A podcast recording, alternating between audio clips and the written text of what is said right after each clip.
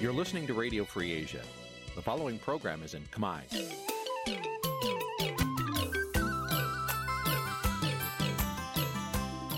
នេះជាកម្មវិធីផ្សាយ Vuthu Azizi Serai នេះជាកម្មវិធីផ្សាយរបស់ Vuthu Azizi Serai ជាភាសាខ្មែរ Vuthu Azizi Serai សូមស្វាគមន៍លោកអ្នកនាងទាំងអស់ពីរដ្ឋធានី Washington នៃសហរដ្ឋអាមេរិក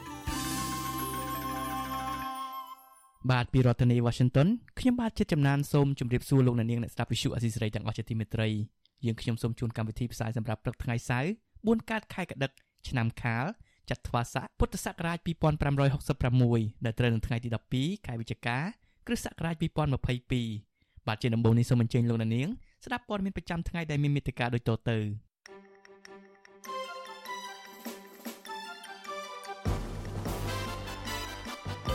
លោកសំរងស៊ីស្នើឲ្យអាមេរិកជួយយកលទ្ធិប្រជាធិបតេយ្យមកកម្ពុជាវិញពលរដ្ឋរិះគន់លោកហ៊ុនសែនអនុញ្ញាតឲ្យមានការបង្រៀនអក្សរចិនតាមសាលារៀនរដ្ឋប្រជាពលរដ្ឋថាបញ្ហាគ្រឿងញៀននិងគ្រឿងសង្វឹងធ្វើឲ្យគោលនយោបាយភូមិឃុំមានសុវត្ថិភាពប្រាជ័យកម្មកររោងចក្ររងគ្រោះពីការរំលោភសិទ្ធិការងារគណៈប្រាក់ខែគោលឡើងបានតិចរួមនឹងព័ត៌មានមួយចំនួនទៀត។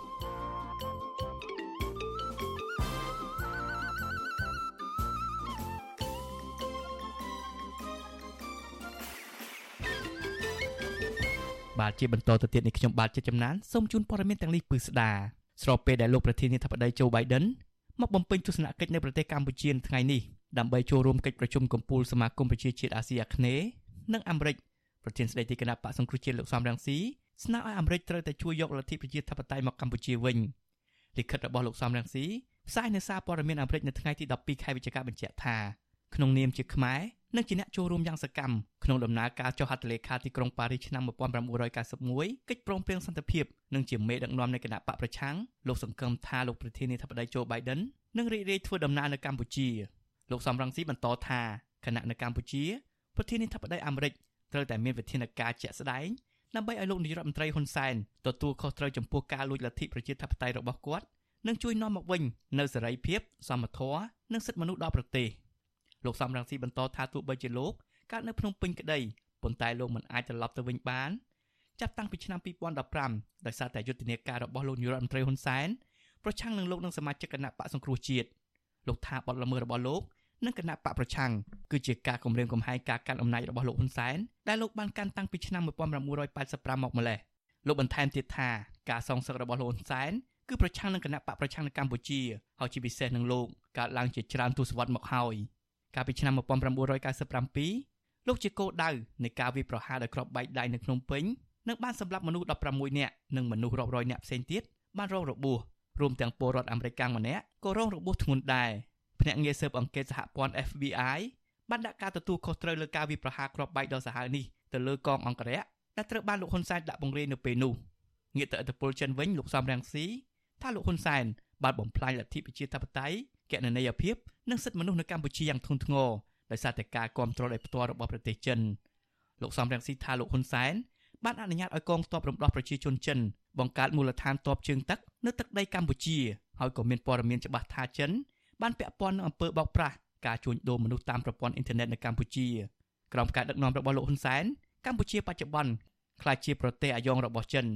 តំណែងតំណងនេះបានគម្រាមកំហែងដល់សន្តិសុខបច្ចុប្បន្ន និងរយៈពេលយូរអង្វែងរបស់ប្រទេសក្នុងតំបន់អាស៊ីអាគ្នេយ៍និងឥណ្ឌូប៉ាស៊ីហ្វិកលោកសំរងស៊ីបន្តថាទោះបីជាលោកត្រូវគេបណ្ដេញចេញចេញពីស្រុកកំណើតកាលពីជាង7ឆ្នាំមុនក៏ដោយក៏កំហឹងរបស់លោកហ៊ុនសែន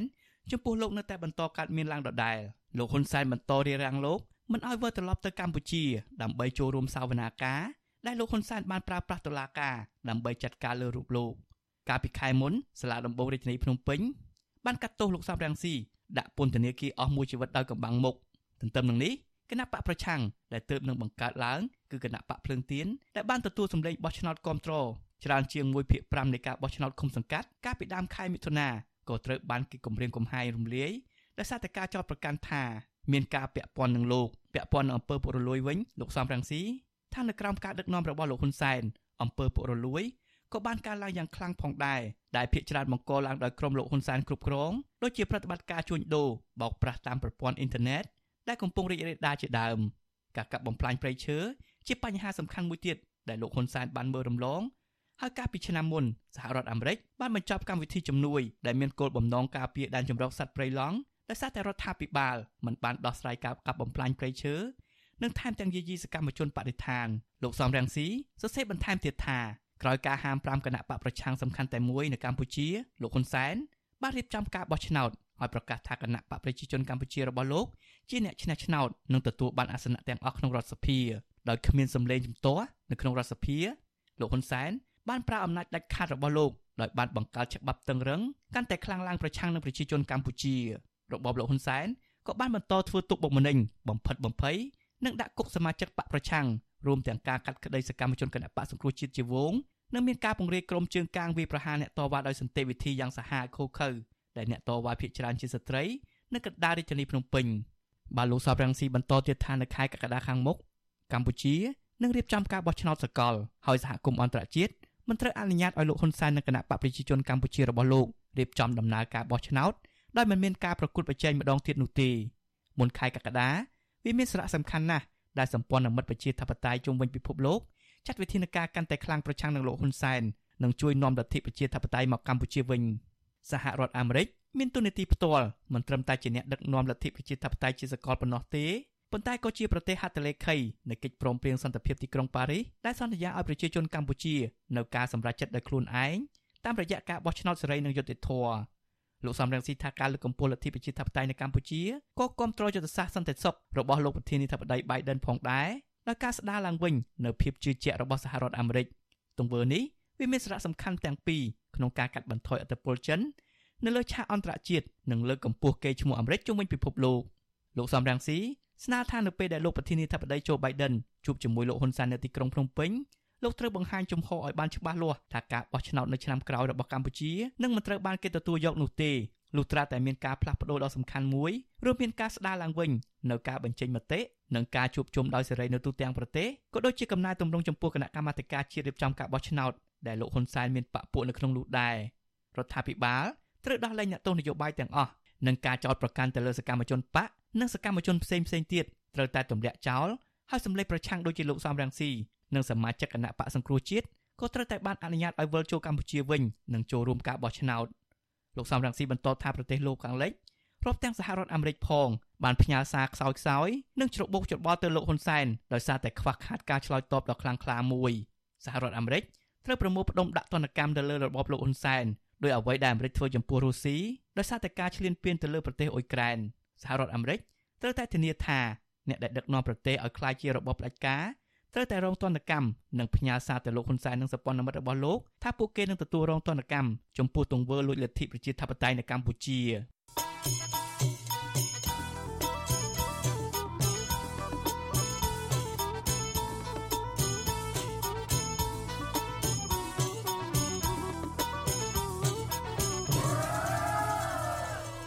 បាទលោកនាងជាទីមេត្រីមេដឹកនាំអាស៊ានចាប់ផ្ដើមចូលរួមកិច្ចប្រជុំអាស៊ានហើយ កាលពីថ្ងៃទី11ខែវិច្ឆិកាដោយដឹកនាំប្រធានអាស៊ានបដូវវេនលោកនាយករដ្ឋមន្ត្រីហ៊ុនសែនជាលទ្ធផល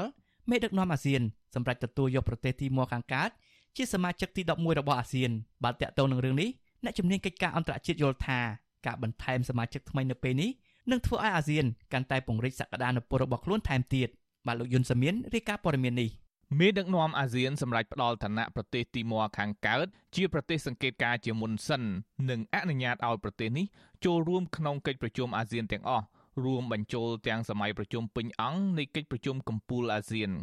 សេចក្តីថ្លែងការណ៍របស់មេដឹកនាំអាស៊ានចេញនៅថ្ងៃទី11ខែវិច្ឆិកាលើកឡើងថា ការផ្ដល់សមាជិកភាពដល់ប្រទេសទីម៉ូខាងកើតពេលនេះផ្អែកលើសមិទ្ធផលសំខាន់នានា ដែលកំណត់ដោយរបាយការណ៍បេសកកម្មស្វែងរកការពិតទាំង3នៃសសរស្តម្ភរបស់អាស៊ាននិងការផ្ដល់ភារកិច្ចជូនក្រុមប្រឹក្សាសម្របសម្រួលអាស៊ាន ហើយត្រូវដាក់ជូនមេដឹកនាំអាស៊ានអនុម័តនាឱកាសកិច្ចប្រជុំអាស៊ានលើកទី42នៅឆ្នាំក្រោយមេដឹកនាំអាស៊ានលើកឡើងថាប្រទេសជាសមាជិកអាស៊ានទាំងអស់និងដៃគូខាងក្រៅ ត្រូវផ្ដល់ការគ្រប់គ្រងដល់ប្រទេសទីម៉ូខាងកើតដើម្បីឈានទៅសម្រេចនៅសមិទ្ធផល ដែលបានកំណត់ទាំងនោះតាមរយៈការកសាងសមត្ថភាព និងផ្ដល់ការគ្រប់គ្រងចាំបាច់នានាសម្រាប់ការចូលរួមសមាជិកអាស៊ានពេញសិទ្ធិការសម្រេចរបស់មេដឹកនាំអាស៊ានធ្វើឡើងនៅក្នុងកិច្ចប្រជុំកំពូលអាស៊ានលើកទី40និង41 និងកិច្ចប្រជុំកំពូលពាក់ព័ន្ធនៅរាជធានីភ្នំពេញនៅថ្ងៃទី11ខែវិច្ឆិកាប្រមុខមេដឹកនាំអាស៊ានបានពិចារណាលើលទ្ធផលនៃបេសកកម្មស្វែងរកការពិតរបស់សសរស្ដំសហគមន៍សន្តិសុខនយោបាយសេដ្ឋកិច្ចសង្គមវប្បធម៌នៃអាស៊ានតាក់ទងទៅនឹងរឿងនេះអ្នកជំនាញផ្នែកវិទ្យាសាស្ត្រនយោបាយនិងកិច្ចការអន្តរជាតិលោកអែមសវណ្ណារាយល់ថាវាជារឿងល្អដែលអាស៊ានទទួលបានសមាជិកថ្មីទី11របស់ខ្លួនពេលនេះ ទោះបីជាយ៉ាងណាអ្នកជំនាញនយោបាយអន្តរជាតិរូបនេះសង្ស័យថាការសម្រេចរបស់មេដឹកនាំអាស៊ានពេលនេះហាក់មិនមានការផ្ដល់ភ្លើងខៀវពីមេដឹកនាំយោធាភូមាគឺលោកមីនអងលៀងនោះទេលោកបន្តថាប្រសិនបើករណីនេះកើតមានមែនគឺមានន័យស្មើនឹងអាស៊ានមិនបានផ្ដល់តម្លៃទៅមេដឹកនាំយោធាភូមាហើយបញ្ហានេះនឹងធ្វើឲ្យអាស៊ានមិនអាចជំរុញឲ្យមេដឹកនាំភូមាចូលតុចរចាបញ្ចប់ចំនួនបង្ហូរឈាមនៅប្រទេសភូមាបាននោះទេ គេប្រើយន្តការឬក៏ថាសាមគ្គីភាពនៅរក្សា10តែបើរក្សា10មិនបានចូលប្រជុំធ្វើម៉េចផ្ដល់សម្លេងទាំង10នឹងកើតអាហ្នឹងគឺសំណួរដែលយើងគួរឆ្ងល់ទាំងអស់គ្នាណាបាទតើប្រើយន្តការអីបានន័យថាតើតើមានការផ្ដល់សញ្ញាការព្រមព្រៀងពីភាគីភូមិហើយបើព្រមព្រៀងពីភាគីភូមិតើពីណាតំណាងភាគីភូមិមានរដ្ឋមានតែរដ្ឋាភិបាលយោធាតាក់ទងទៅនឹងការលើកឡើងរបស់អ្នកជំនាញនយោបាយអន្តរជាតិពេលនេះ សេចក្តីថ្លែងការណ៍ប្រមុខមេដឹកនាំអាស៊ានដែលទទួលយកប្រទេសទីម័រខាងកើតជាសមាជិកអាស៊ាននោះមិនបានបញ្ជាក់ថាការសម្រេចចិត្តនេះមានការព្រមព្រៀងឬគ្មានការព្រមព្រៀងពីមេដឹកនាំរដ្ឋបហាភូមានោះទេទោះបីជាយ៉ាងណាមេដឹកនាំយោធាភូមាមិនត្រូវបានគេអញ្ជើញឲ្យចូលរួមកិច្ចប្រជុំកំពូលអាស៊ាននោះទេសប្តាហ៍ថ្ងៃសមាគមប្រជាជាតិអាស៊ីអាគ្នេយ៍ហៅកាត់ថាអាស៊ាន មានប្រទេសជាសមាជិកទាំងអស់10ប្រទេស លោកហ៊ុនសែនបានដឹងថាការមិនអនុញ្ញាតឲ្យមេដឹកនាំភូមាចូលរួមកិច្ចប្រជុំដោយសារតែមេដឹកនាំភូមាអនុវត្តមិនបានពេញលេញនៅគោលការណ៍កុងសង្ស៊ីស5ចំណុចរបស់អាស៊ាន ក្នុងការបញ្ចប់វិបត្តិនៅភូមាជុំវិញកិច្ចប្រជុំកំពូលអាស៊ានថ្ងៃទី2វិញកិច្ចប្រជុំអាស៊ាននេះបានពិភាក្សាលើកិច្ចប្រជុំកំពូលអាស៊ាន លើកទី40និង41កិច្ចប្រជុំកំពូលអាស៊ានចិនលើកទី25 និងកិច្ចប្រជុំតាក់ទងផ្សេងផ្សេងស្ដីពីក្រមប្រឹក្សាសហគមន៍សេដ្ឋកិច្ចអាស៊ានជាដើមលោកហ៊ុនសែនថ្លែងនៅក្នុងកិច្ចប្រជុំកំពូលអាស៊ានលើកទី40និង41ដោយស្នើទៅមេដឹកនាំអាស៊ានរួមគ្នាឯកភាពសាមគ្គីភាពធ្វើជារឿងអតិភិបដើម្បីធានាដោះស្រាយបញ្ហាប្រឈមដែលអាចកើតមានឡើងនាពេលខាងមុខវា ស្លោកមួយបានពោលថាគ្រោះមហន្តរាយនិងវិបត្តិអាចបញ្ចេញមកនៅឧត្តមភាពរបស់មនុស្សក្នុងន័យនេះខ្ញុំជឿថាយើងទាំងអស់គ្នាជួបជុំគ្នានៅទីនេះក្នុងគោលបំណងចែកចម្លែកនៅការយល់ឃើញពីភាពបន្តក្នុងការធ្វើការរួមគ្នាដើម្បីដោះស្រាយបញ្ហាប្រឈមខ្ញុំជឿជាក់ថាអ្នកទាំងអស់គ្នាយល់ស្របជាមួយនឹងមូលបត្រឆ្នាំនេះអាស៊ានរួមគ្នាធ្វើដោះស្រាយបញ្ហាប្រឈមទាំងអស់គ្នា ទោះបីជាលោកហ៊ុនសែនទាមទារឲ្យអាស៊ានរួមគ្នាដោះស្រាយបញ្ហារួមក្តីប៉ុន្តែប្រធានអាស៊ានបដូវវេនរូបនេះមិនបានលើកពីបញ្ហាភូមានិងស្នើឲ្យមេដឹកនាំជាសមាជិកអាស៊ានផ្សេងទៀតជួយដោះស្រាយបញ្ហានោះទេនៅថ្ងៃនេះក៏មានកិច្ចប្រជុំសំខាន់មួយទៀតគឺកិច្ចប្រជុំកំពូលអាស៊ានចិនលើកទី25លោកហ៊ុនសែនជាមួយនាយករដ្ឋមន្ត្រីចិន លោកលីខឺឈៀងដឹកនាំកិច្ចប្រជុំនេះដោយមានការចូលរួមពីក្រុមមេដឹកនាំប្រទេសអាស៊ាន ភាគីកម្ពុជាជាប្រធានអាស៊ានមិនបានបង្ហាញលទ្ធផលនៃកិច្ចប្រជុំនេះនៅឡើយទេនៅថ្ងៃទី11ខែវិច្ឆិកាប៉ុន្តែលោកហ៊ុនសែនបានបង្ហោះសារតាមទំព័រ Facebook លោកថាក្នុងភាពជាដៃគូគ្រប់ជ្រុងជ្រោយរវាងអាស៊ានចិនកន្លងមកគឺស្ថិតនៅក្នុងចំណោមទំនាក់ទំនងពេញដោយធម៌ពលសារៈសំខាន់ការផ្ដល់ផលប្រយោជន៍ទៅវិញទៅមក លោកហ៊ុនសែនបានដឹងទៀតថាចិនបានផ្ដល់គម្រោងវិនិយោគសម្រាប់ការអភិវឌ្ឍក្នុងទំហំទឹកប្រាក់មួយកណ្ដកសញ្ញា5ប៊ីលានដុល្លារអាមេរិកសម្រាប់រយៈពេល3ឆ្នាំនិងត្រៀមជាស្រេចក្នុងការធ្វើការជាមួយអាស៊ាន នៅមុនកិច្ចប្រជុំនេះកម្ពុជាក៏បានយល់ព្រមដាក់ភាសាចិនឲ្យកូនខ្មែររៀននៅសាលាចំណេះដឹងទូទៅរបស់រដ្ឋផងដែរទោះបីជាមានក្តីបារម្ភពីការកើនឡើងឥទ្ធិពលចិននៅកម្ពុជាក៏ដោយ កិច្ចប្រជុំកំពូលអាស៊ានចាប់ផ្ដើមពីថ្ងៃទី10ដល់ថ្ងៃទី13ខែវិច្ឆិកាក្នុងនោះរួមមានកិច្ចប្រជុំកំពូលអាស៊ានលើកទី40និង41កិច្ចប្រជុំកំពូលជិត10ផ្សេងទៀតស្ដីពីទំនាក់ទំនងរវាងអាស៊ាន និងមហាអំណាចក្នុងពិភពលោកថ្ងៃទី11ខែវិច្ឆិកាមេដឹកនាំប្រទេសនានាបានធ្វើដំណើរមកដល់កម្ពុជាជាបន្តបន្ទាប់ក្នុងនោះរួមមានអគ្គលេខាធិការអង្គការសហប្រជាជាតិ លោក Antonio Guterres ដើម្បីចូលរួមកិច្ចប្រជុំកំពូលអាស៊ានអង្គការសហប្រជាជាតិប្រធានាធិបតីកូរ៉េខាងត្បូង និងអនុប្រធានាធិបតីឥណ្ឌាចំណែកប្រធានាធិបតីសហរដ្ឋអាមេរិកលោក Joe Biden ក៏នឹងអញ្ជើញមកដល់ប្រទេសកម្ពុជា នៅថ្ងៃទី12ខែវិច្ឆិកាស្អែកដើម្បីចូលរួមកិច្ចប្រជុំកំពូលអាស៊ានសហរដ្ឋអាមេរិកលើកទី10និងកិច្ចប្រជុំពាក់ព័ន្ធផ្សេងផ្សេងទៀតខ្ញុំយុនសាមៀនវិទ្យុអាស៊ីសេរីប្រធានាធិបតី Washington បានតាក់ទងទៅនឹងការដាក់ភាសាចិនទៅក្នុងកម្មវិធីអប់រំវិញប្រជាពលរដ្ឋរិះគន់រដ្ឋាភិបាលលោកហ៊ុនសែនដែលបានបញ្ចូលភាសាចិននៅក្នុងកម្មវិធីសិក្សាចំណេះដឹងទូទៅនៅកម្ពុជានោះថានឹងអាចធ្វើឲ្យប៉ះពាល់ដល់អធិបតេយ្យជាតិ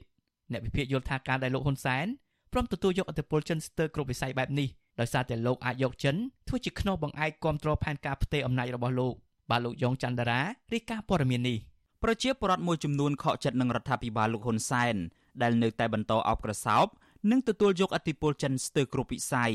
ជាពិសេសការដាក់បញ្ចូលកម្មវិធីសិក្សាភាសាចិន នៅតាមសាលារៀនចំណេះទូទៅ ប្រតិកម្មរបស់ប្រជាពលរដ្ឋនេះគឺក្រោយពេលដែលក្រសួងអប់រំយុវជននិងកីឡាព្រមទាំងស្ថានទូតចិនប្រចាំនៅកម្ពុជា បានចុះហត្ថលេខាលើអនុសារណៈយោគយល់គ្នានៅមុខនាយករដ្ឋមន្ត្រីនៃប្រទេសទាំងពីរនៅរាជធានីភ្នំពេញកាលពីថ្ងៃទី9ខែវិច្ឆិកា ដោយព្រមព្រៀងដាក់បញ្ចូលភាសាចិននៅក្នុងកម្មវិធីសិក្សាសាលាចំណេះទូទៅ ចាប់ពីថ្នាក់ទី7ដល់ថ្នាក់ទី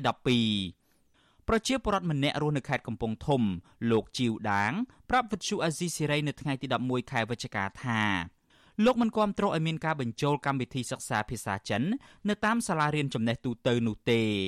លោកលើកឡើងថារដ្ឋាភិបាលកម្ពុជាក៏មិនគួរផ្ដល់តម្លៃដល់អក្សរចិន រហូតផ្ដល់ជាកម្មវិធីសិក្សាឲ្យកូនខ្មែររៀនតាមសាលានោះដែរខណៈការបង្រៀនអក្សរចិននៅតាមសាលារៀនឯកជនក៏កំពុងកើតមានរីកដុះដាលកាន់តែច្រើននៅកម្ពុជាលើសពីនេះទៅទៀតលោកយល់ថាការប្រើប្រាស់ភាសាការទូតជាមួយអន្តរជាតិនានានៅលើពិភពលោកនោះក៏គ្មានការប្រើប្រាស់ភាសាចិននោះដែរ។ អសរសាស្ត្ររបស់ប្រទេសជិតខាងវាមិនមែនជារឿងមួយនឹកឃើញតែធ្វើនោះទេវាសិតតែជាមានផែនការរៀបចំឡើងជាក់ឡើងដូចជាប្រទេសវៀតណាមនិងប្រទេសចិនអញ្ចឹងរាល់ថ្ងៃយើងឃើញថាពីប្រព័ន្ធអប់រំនឹងចិនអាចស្នើប្រទេសកម្ពុជាបានតំណាក់តំណងនៅវាយូរឆ្ងាយទី1ទី2ចិនកំពុងតែអភិវឌ្ឍទៅលើប្រទេសកម្ពុជាប៉ុន្តែការអភិវឌ្ឍទៅលើប្រទេសកម្ពុជានេះគេមិនហៅថាជាការអភិវឌ្ឍទេវាគ្រាន់តែជាការមួយធ្វើឲ្យប្រជាជនផ្ដល់នូវផលលំបាកយើងមើលថាកន្លែងណាដែលមានគេការអភិវឌ្ឍពាក់ព័ន្ធជាមួយនឹងក្រុមហ៊ុនចិនគឺទីនោះជាបរិវត្តតែងតែមានការតវ៉ាទឹកភ្នែកត្រែកយំរីឯពលរដ្ឋម្នាក់ទៀតរស់នៅខេត្តតាកែវលោកជ័យសុកណេនវិញលោកមើលឃើញថាកូនខ្មែរបច្ចុប្បន្ននេះគឺមួយចំនួនប្រឹងប្រែងរៀនភាសាចិនកាន់តែច្រើនលោកជំរុញដល់ក្រសួងអប់រំនិងរដ្ឋាភិបាលពង្រឹងផ្នែកអប់រំជាខេមរៈភាសាដល់កូនខ្មែរចំនួនក្រោយឲ្យពួកគេជ្រួតជ្រាប និងស្វែងយល់អំពីវប្បធម៌នៃជាតិសាសន៍របស់ខ្លួនឲ្យបានច្បាស់លាស់ មុននឹងទទួលយកវប្បធម៌និងអក្សរសាស្ត្របរទេសឲ្យកូនខ្មែររៀនតាមឲ្យតែមានការយល់ដឹងជាច្បាស់ថាអបជាប្រវត្តិសាស្ត្រជាអបជាប្រវត្តិសាស្ត្រថាចូលភាសាហ្នឹងនៅថ្ងៃណាខែណាឆ្នាំណាហើយភាសាហ្នឹងយកទៅប្រើប្រាស់នៅលើអ្វីខ្លះអញ្ចឹងណាខ្មែរយើងអត់ត្រូវចោលអក្សរខ្មែរព្រោះថាដាក់នៅក្នុងសាលាឲ្យរៀនភាសាខ្មែរចំណែកឯពលរដ្ឋមួយរូបទៀតរស់នៅរាជធានីភ្នំពេញលោកច័ន្ទថារិនវិញលោកព្រួយបារម្ភថា ការដែលរដ្ឋាភិបាលអនុញ្ញាតឲ្យបញ្ចូលអក្សរចិននៅតាមសាលារៀនបែបនេះវប្បធម៌ប្រពៃណីនិងអក្សរសាស្ត្រចិនព្រមទាំងជនជាតិចិនដែលកំពុងតែរស់នៅកម្ពុជាមួយចំនួននោះអាចនឹងមានឥទ្ធិពលកាន់តែខ្លាំងបន្ថែមទៀតនៅក្នុងការបង្កអសន្តិសុខសង្គមកម្ពុជាលោកមើលឃើញថាជនជាតិចិននៅកម្ពុជាមួយចំនួនគឺមិនបានញញើតនឹងច្បាប់កម្ពុជា និងគោរពសិទ្ធិពលរដ្ឋជាម្ចាស់ស្រុកនោះឡើយ។ លោកជំរុញឲ្យរដ្ឋាភិបាលនិងក្រសួងអប់រំលុបចោលអនុសារណៈយោគយល់គ្នាជាមួយប្រទេសចិនពាក់ព័ន្ធទៅនឹងការដាក់បញ្ចូលកម្មវិធីរៀនភាសាចិននៅតាមសាលាចំណេះទូទៅនៅកម្ពុជានេះក្រសួងអប់រំយើងថ្ងៃហ្នឹងគាត់វាមានចន្លោះប្រហោងច្រើនដែរគួរតែពង្រឹងនៅសមត្ថភាពរបស់យើងឲ្យខ្លាំងសិនតាមតាមបញ្ចូលរបស់គេអញ្ចឹងបើសិនជាខាងក្រសួងអប់រំគាត់ពង្រឹងវិស័យអប់រំខ្មែរយើងឲ្យបានល្អចាំបញ្ចូលរបស់គេមកអាហ្នឹងក៏វាជាការប្រសើរដែរ វិទ្យុអាស៊ីសេរីមិនអាចតាក់ទងแนะនាំពាក្យក្រសួងអប់រំយុវជននិងកីឡាលោករស់សុវិចានិងប្រធានអង្គភិបអ្នកនាំពាក្យរដ្ឋាភិបាលលោកផៃស៊ីផានដើម្បីសូមប្រតិកម្មឆ្លើយតបទៅនឹងការលើកឡើងរបស់ប្រជាពលរដ្ឋនេះបានទេនៅថ្ងៃទី11ខែវិច្ឆិកាជុំវិញរឿងនេះប្រធានសមាគមការពារសិទ្ធិមនុស្សអាត6លោកនីសុខាមានប្រសាសន៍ថារដ្ឋាភិបាលគួរតែផ្ដល់សិទ្ធិសេរីភាពដល់កូនខ្មែរគ្រប់រូបនៅក្នុងការជ្រើសរើសរៀនភាសាចិននេះដោយខ្លួនឯង មិនមែនយកភាសាចិនបញ្ចូលទៅក្នុងវិស័យអប់រំដែលតម្រូវឲ្យកូនខ្មែររៀនអក្សរចិនតាមការកំណត់របស់រដ្ឋាភិបាលបែបនេះឡើយលោកនីសុខាលើកឡើងទៀតថាការដែលរដ្ឋាភិបាលកម្ពុជាដាក់បញ្ចូលភាសាចិនដើម្បីបង្រៀនកូនខ្មែរបែបនេះគឺឆ្លុះបញ្ចាំងឲ្យឃើញថាកម្ពុជា កំពុងបង្កើតទំនាក់ទំនងជាមួយប្រទេសចិនកាន់តែស៊ីជម្រៅស្របពេលដែលកម្ពុជារងការរិះគន់ថាអនុវត្តគោលនយោបាយមិនអព្យាក្រឹតដោយសាររដ្ឋាភិបាលលោកហ៊ុនសែន អោបក្រសោបចិនតែម្ខាង។សប្តាហ៍ថ្ងៃនេះជាកំពុងតែមើលឃើញអំពីលំអៀងរវាងកម្ពុជាទៅនឹងប្រទេសចិនកុម្មុយនីសឃើញថាមាន លក្ខណៈខុសគ្នាអំពីតំណែងតំណងរវាងចិនទៅនឹងប្រទេសសេរីពិសេសគឺប្រទេសសហរដ្ឋអាមេរិកនេះអញ្ចឹងហើយយើងគ្រាន់តែគិតថាការតំណែងតំណងនេះវាហាក់បីដូចជាមានភាពមួយចាថាមិនកណ្ដាលនិងហាក់បីដូចជាមានលក្ខណៈលំអៀងទៅរកប្រទេសកុម្មុយនីសហ្នឹងឯងបច្ចុប្បន្ននេះភាសាបារាំងនិងភាសាអង់គ្លេស ត្រូវបានក្រសួងអប់រំដាក់បញ្ចូលនៅក្នុងកម្មវិធីសិក្សាចំណេះទូទៅនៅកម្ពុជារួចហើយដោយឡែកការពីពេលថ្មីថ្មីនេះរដ្ឋាភិបាលកម្ពុជាក៏បានយល់ព្រមឲ្យបង្កើតដេប៉ាតឺម៉ង់ភាសាវៀតណាមនៅសាកលវិទ្យាល័យភូមិន្ទភ្នំពេញដែរដែលករណីនេះបណ្ដាលឲ្យមានការរិះគន់ពីប្រជាពលរដ្ឋម្ដងរួចមកហើយ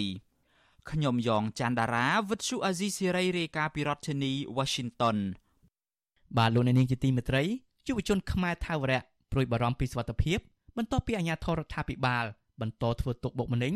និងរដ្ឋបិទលើសិទ្ធិសេរីភាពរបស់ពួកគេដែលកំពុងធ្វើកោតកម្មបង្អត់អាហារដោយសន្តិវិធីនៅទីលានប្រជាធិបតេយ្យដើម្បីស្នើដល់រដ្ឋាភិបាលអន្តរាគមន៍ដោះលែងកញ្ញាសេងធីរីនិងអ្នកទោសមនសិការមន្ត្រីសិទ្ធិមនុស្សអំពាវនាវដល់អាជ្ញាធរឲ្យបញ្ឈប់រូបភាពអំផិតបំភ័យឬដាក់សម្ពាធលើអ្នកប្រើប្រាស់សិទ្ធិដើម្បីការពារមុខមាត់រដ្ឋាភិបាលនិងប្រយោជន៍ជាតិក៏ត្រឹមថ្ងៃទី12ខែវិច្ឆិកាគឺជាថ្ងៃទី6ដែលក្រមយុវជនខ្មែរថាវរៈ ធ្វើយុទ្ធនាការបង្អត់អាហាររយៈពេលមួយសប្តាហ៍ទាមទារយុត្តិធម៌ជូនអ្នកជាប់ឃុំដោយហេតុផលនយោបាយពួកគេបន្តបោះតង់សមាធិតាំងចិត្តបួងសួងនៅទីលានប្រជាធិបតេយ្យក្នុងរាជធានីភ្នំពេញប៉ុន្តែសុខភាពរបស់ពួកគាត់ចុះទុនខ្សោយដោយស្លេកស្លាំងអស់កម្លាំងនិងវិលមុខជាដើមចំណែកក្រុមសន្តិសុខនិងសមត្ថកិច្ចក្រុងភ្នំពេញដែលស្លៀកពាក់ឯកសណ្ឋាននិងស៊ីវិលរាប់សិបនាក់បានដាក់កម្លាំងតាមដាននិងរឹតបន្តឹងបរិវេណនោះដោយបិទច្រកចេញចូលនិងថតរូបពលរដ្ឋឬព្រះសង្ឃដែលចូលសួរសុខទុក្ខ លើកទឹកចិត្តដល់ក្រុមយុវជនទាំងនោះតំណាងយុវជនខ្មែរថាវរៈដែលស្លៀកពាក់កៅអៅជាអ្នកទោសអ្នកនាងឈឿនដារាវីប្រពន្ធអសីសេរីកាលពីថ្ងៃទី11ខែវិច្ឆិកាថាក្រុមយុវជនខកចិត្តចំពោះអាញាធរដែលព្យាយាមរកលេសបណ្ដេញយុវជនឲ្យចាក់ចេញពីទីលានប្រជាធិបតេយ្យដោយបង្ហាញរូបភាពគម្រាមកំហែងដល់សុវត្ថិភាពរបស់យុវជនអ្នកនាងចាត់ទុកទង្វើរបស់អាញាធរគឺជាការរំលោភសិទ្ធិសេរីភាពពលរដ្ឋដែលមិនអាចទទួលយកបាននោះឡើយអ្នកនាងបញ្ជាក់ថាក្រុមយុវជននៅតែបដិញ្ញាចិត្តប្រើប្រាស់សិទ្ធិសេរីភាព ពហិការបង្អត់អាហារដោយសន្តិវិធីរហូតដល់ថ្ងៃទី7រាជរដ្ឋាភិបាលគិតយ៉ាងណា បានជាពលរដ្ឋត្រូវការសម្ដែងមតិនៅទីលានជាធិបតេយ្យមានការបង្ហាញរូបភាពគម្រាមកំហែងអីបែបហ្នឹងគឺយើងខកចិត្តជាខ្លាំងចំពោះទង្វើទាំងនេះស្នើសុំឲ្យរាជរដ្ឋាភិបាលបើកសិទ្ធិដល់ប្រជាពលរដ្ឋក្នុងការសម្ដែងមតិប្រើប្រាស់សិទ្ធិជាមូលដ្ឋាននេះកុំឲ្យមានការគម្រាមកំហែងគ្រប់រូបភាពពីអាជ្ញាធរតទៅទៀត អ្នកនាងឈៀនដារាវីឲ្យដឹងដែរថាបន្ទាប់ពីអត់អាហាររយៈពេលជាច្រើនថ្ងៃមកនេះមានយុវជនខ្មែរថាវរៈចំនួន2នាក់រួមមានយុវតីឆែមស្រីគា ហៅក្លឹមសានិងយុវជនឈៀងច័ន្ទតុងបានផ្អាកធ្វើកុតកម្មដោយដួលសន្លប់និងបញ្ជូនទៅសង្គ្រោះបន្ទាន់នៅមន្ទីរពេទ្យប៉ុន្តែបច្ចុប្បន្នស្ថានភាពសុខភាពរបស់ពួកគេបានធូរស្រាលហើយយុវជនរូបនេះស្នើដល់អាជ្ញាធរនិងតុលាការដោះលែងកញ្ញាសេងធីរីនិងអ្នកជាប់ទោសមនសិការឲ្យមានសេរីភាពឡើងវិញ វិសុអស៊ីសេរីមិនអាចតាក់ទងแนะនាំពាក្យស្នងការដ្ឋាននគរបាលរាជធានីភ្នំពេញលោកសានសុកសីហាដើម្បីបកស្រាយជុំវិញរឿងនេះបានទេនៅថ្ងៃទី11ខែវិច្ឆិកាចំណែកមន្ត្រីអ្នកនាំពាក្យគណៈកម្មាធិការសិទ្ធិមនុស្សរបស់រដ្ឋាភិបាលលោកកតាអូនលើកឡើងថាការធ្វើកោតកម្មបង្អត់អាហាររបស់យុវជនខ្មែរថាវរៈគឺជាការប្រើប្រាស់សិទ្ធិសេរីភាពដោយខុសឆ្គងដែលអាជ្ញាធរត្រូវតែណែនាំពួកគេទៅអនុវត្តនៅកន្លែងផ្សេងលោកអះអាងថាចំណាត់ការរបស់សមត្ថកិច្ចមិនបានបំផិតបំភ័យឬរាំងខ្ទប់សេរីភាពយុវជន ដូចជាការលើកឡើងនោះទេប្រសិនបើជាបណ្ដោយឲ្យពួកគាត់ធ្វើបែបនេះតទៅទៀតនឹងអាចមានគ្រោះថ្នាក់កាន់ទៅធ្ងន់ធ្ងរឬអាចប៉ះពាល់ដល់ជីវិតគាត់ទៀតចឹងហើយបានជាអាជ្ញាធរគំតែអប់រំពួកគាត់ឲ្យគិតអំពីសុខភាពឲ្យគិតអំពីជីវិតខ្លួនឯងជាងការប្រើប្រាស់សិទ្ធិភាពមួយដែលខុសឆ្គងហើយធ្វើឲ្យប៉ះពាល់ដល់អាយុជីវិតខ្លួនឯងដល់សុខភាពខ្លួនឯងដូច្នេះវាមិនមែនជាការទៅទប់ស្កាត់ពីការទៅបំផិតបំភ័យពួកគាត់ទេទោះជាយ៉ាងណា ប្រធានសមាគមការពារសិទ្ធិមនុស្សអាត់ហុកលោកនីសុខាមើលឃើញថាយុទ្ធនាការបង្អត់អាហារដើម្បីយុទ្ធធម៌ក្នុងសង្គមនេះគឺជាសារសំខាន់របស់ក្រមយុវជនក្នុងការជំរុញទៅរដ្ឋាភិបាលឲ្យយកចិត្តទុកដាក់ចំពោះសំណើរបស់ពួកគេស្របពេលដែលកម្ពុជាធ្វើជាម្ចាស់ផ្ទះរៀបចំកិច្ចប្រជុំកំពូលអាស៊ានលោកបញ្ជាក់ថាសកម្មភាពរដ្ឋបិទដាក់សម្ពាធឬការបង្ក្រាបលើសិទ្ធិសេរីភាពពីសំណាក់អាជ្ញាធរទៅលើអ្នកតវ៉ាដោយសន្តិវិធីមិនមែនជាការដោះស្រាយនោះទេលោកនេះសិក្ខាថាដំណោះស្រាយដែលល្អរដ្ឋាភិបាល គួរទទួលយកអនុសាសន៍របស់សហគមន៍ជាតិនិងអន្តរជាតិទៅដោះស្រាយទាក់ទងនឹងបញ្ហាសិទ្ធិមនុស្សនិងលទ្ធិប្រជាធិបតេយ្យ ដើម្បីមុខមាត់រដ្ឋាភិបាលនិងផលប្រយោជន៍របស់ប្រទេសជាតិដំណោះស្រាយរឿងហ្នឹងមិនមែនរឿងតែត្រូវទៅគម្រាមកំហែងទៅគៀបសង្កត់ដើម្បីដោះស្រាយទេវាខុសហើយព្រោះការដោះស្រាយវាត្រូវតែឈរទៅលើគោលការណ៍យុត្តិធម៌មិនមែនគោលការណ៍គម្រាមកំហែងទេគោលការណ៍គម្រាមកំហែងមិនមែនជាដំណោះស្រាយទេគោលការណ៍ដាក់សម្ពាធគោលការណ៍រដ្ឋបិទមិនមែនជាការដំណោះស្រាយទេហើយព័ត៌មានច្រើនណាស់យើងមិនអាចលាក់បាំងបានទេក្រមយុវជនខ្មែរថាវរៈសង្ឃឹមថា ការបន្តយុទ្ធនាការបង្អត់អាហាររបស់ពួកគាត់នៅពេលនេះនឹងផ្ដល់ដំណឹងទៅដល់ថ្នាក់ដឹកនាំកម្ពុជាកម្ពុជារបស់អាស៊ាននិងមេដឹកនាំប្រទេសប្រជាធិបតេយ្យផ្សេងៗទៀតរួមមានប្រធានាធិបតីអាមេរិកលោកโจ Biden ដែលនឹងចូលរួមកិច្ចប្រជុំកម្ពុជាអាស៊ានដើម្បីដាក់សម្ពាធឲ្យរដ្ឋាភិបាលកម្ពុជាដោះលែងអ្នកទោសមនសិការនិងកញ្ញាសេងធីរីទាក់ទងនឹងរឿងនេះនៅមុនដំណើរទស្សនកិច្ចរបស់ប្រធានាធិបតី Joe Biden ដើម្បីចូលរួមកិច្ចប្រជុំកម្ពុជាអាស៊ានអាមេរិកនិងកិច្ចប្រជុំកម្ពុជាអាស៊ានបូព៌ា នៅក្រុងភ្នំពេញចាប់ពីថ្ងៃទី11ដល់ថ្ងៃទី13ខែវិច្ឆិកានោះក្រសួងការបរទេសអាមេរិកគូបញ្ជាក់ថាសហរដ្ឋអាមេរិកនៅតែបន្តផ្ដោតអធិភាពអំពាវនាវឲ្យដោះលែងមេធាវីសញ្ជាតិខ្មែរអាមេរិកាំងកញ្ញាសេងធីរីនិងសកម្មជនគណៈបកប្រឆាំងទាំងអស់ដែលត្រូវបានជាប់ឃុំដោយអយុត្តិធម៌កាលពីយប់ថ្ងៃទី11ចូលទី12ខែវិច្ឆិកាក្រុមសន្តិសុខរាជធានីភ្នំពេញបាននាំគ្នាមកផុកស៊ីនិងចាក់ភ្លេងដើម្បីរំខានមិនឲ្យក្រុមយុវជនអាចសម្រាកបានក្រុមសន្តិសុខដែលស្រវឹងទាំងនោះអះអាងប្រាប់ក្រុមយុវជនថា ពួកគេមកដើម្បីការពារសន្តិសុខ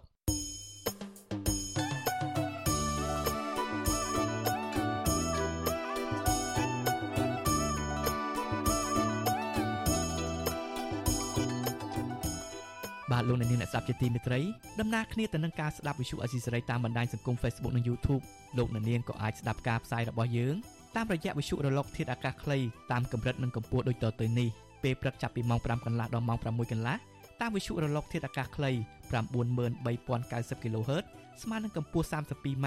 និង11850 kHz ស្មើនឹងកម្ពស់ 25m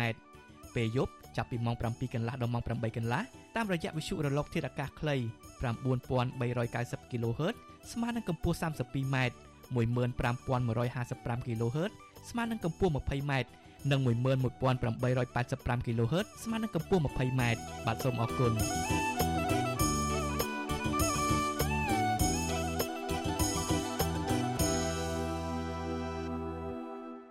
បាទលោកអ្នកនាងអ្នកស្ដាប់ជាទីមេត្រីកម្មករមួយចំនួននៅរាជធានីភ្នំពេញកំពុងរងគ្រោះដោយការរំលោភសិទ្ធិការងារពីតកែនិងប្រឈមបញ្ហាជីវភាពដោយសារតែមិនសូវមានការងារថែមម៉ោងស្របពេលដែលការដំឡើងប្រាក់ខែគោលតិចតួចដែលមិនអាចទប់ទល់ការចំណាយប្រចាំថ្ងៃ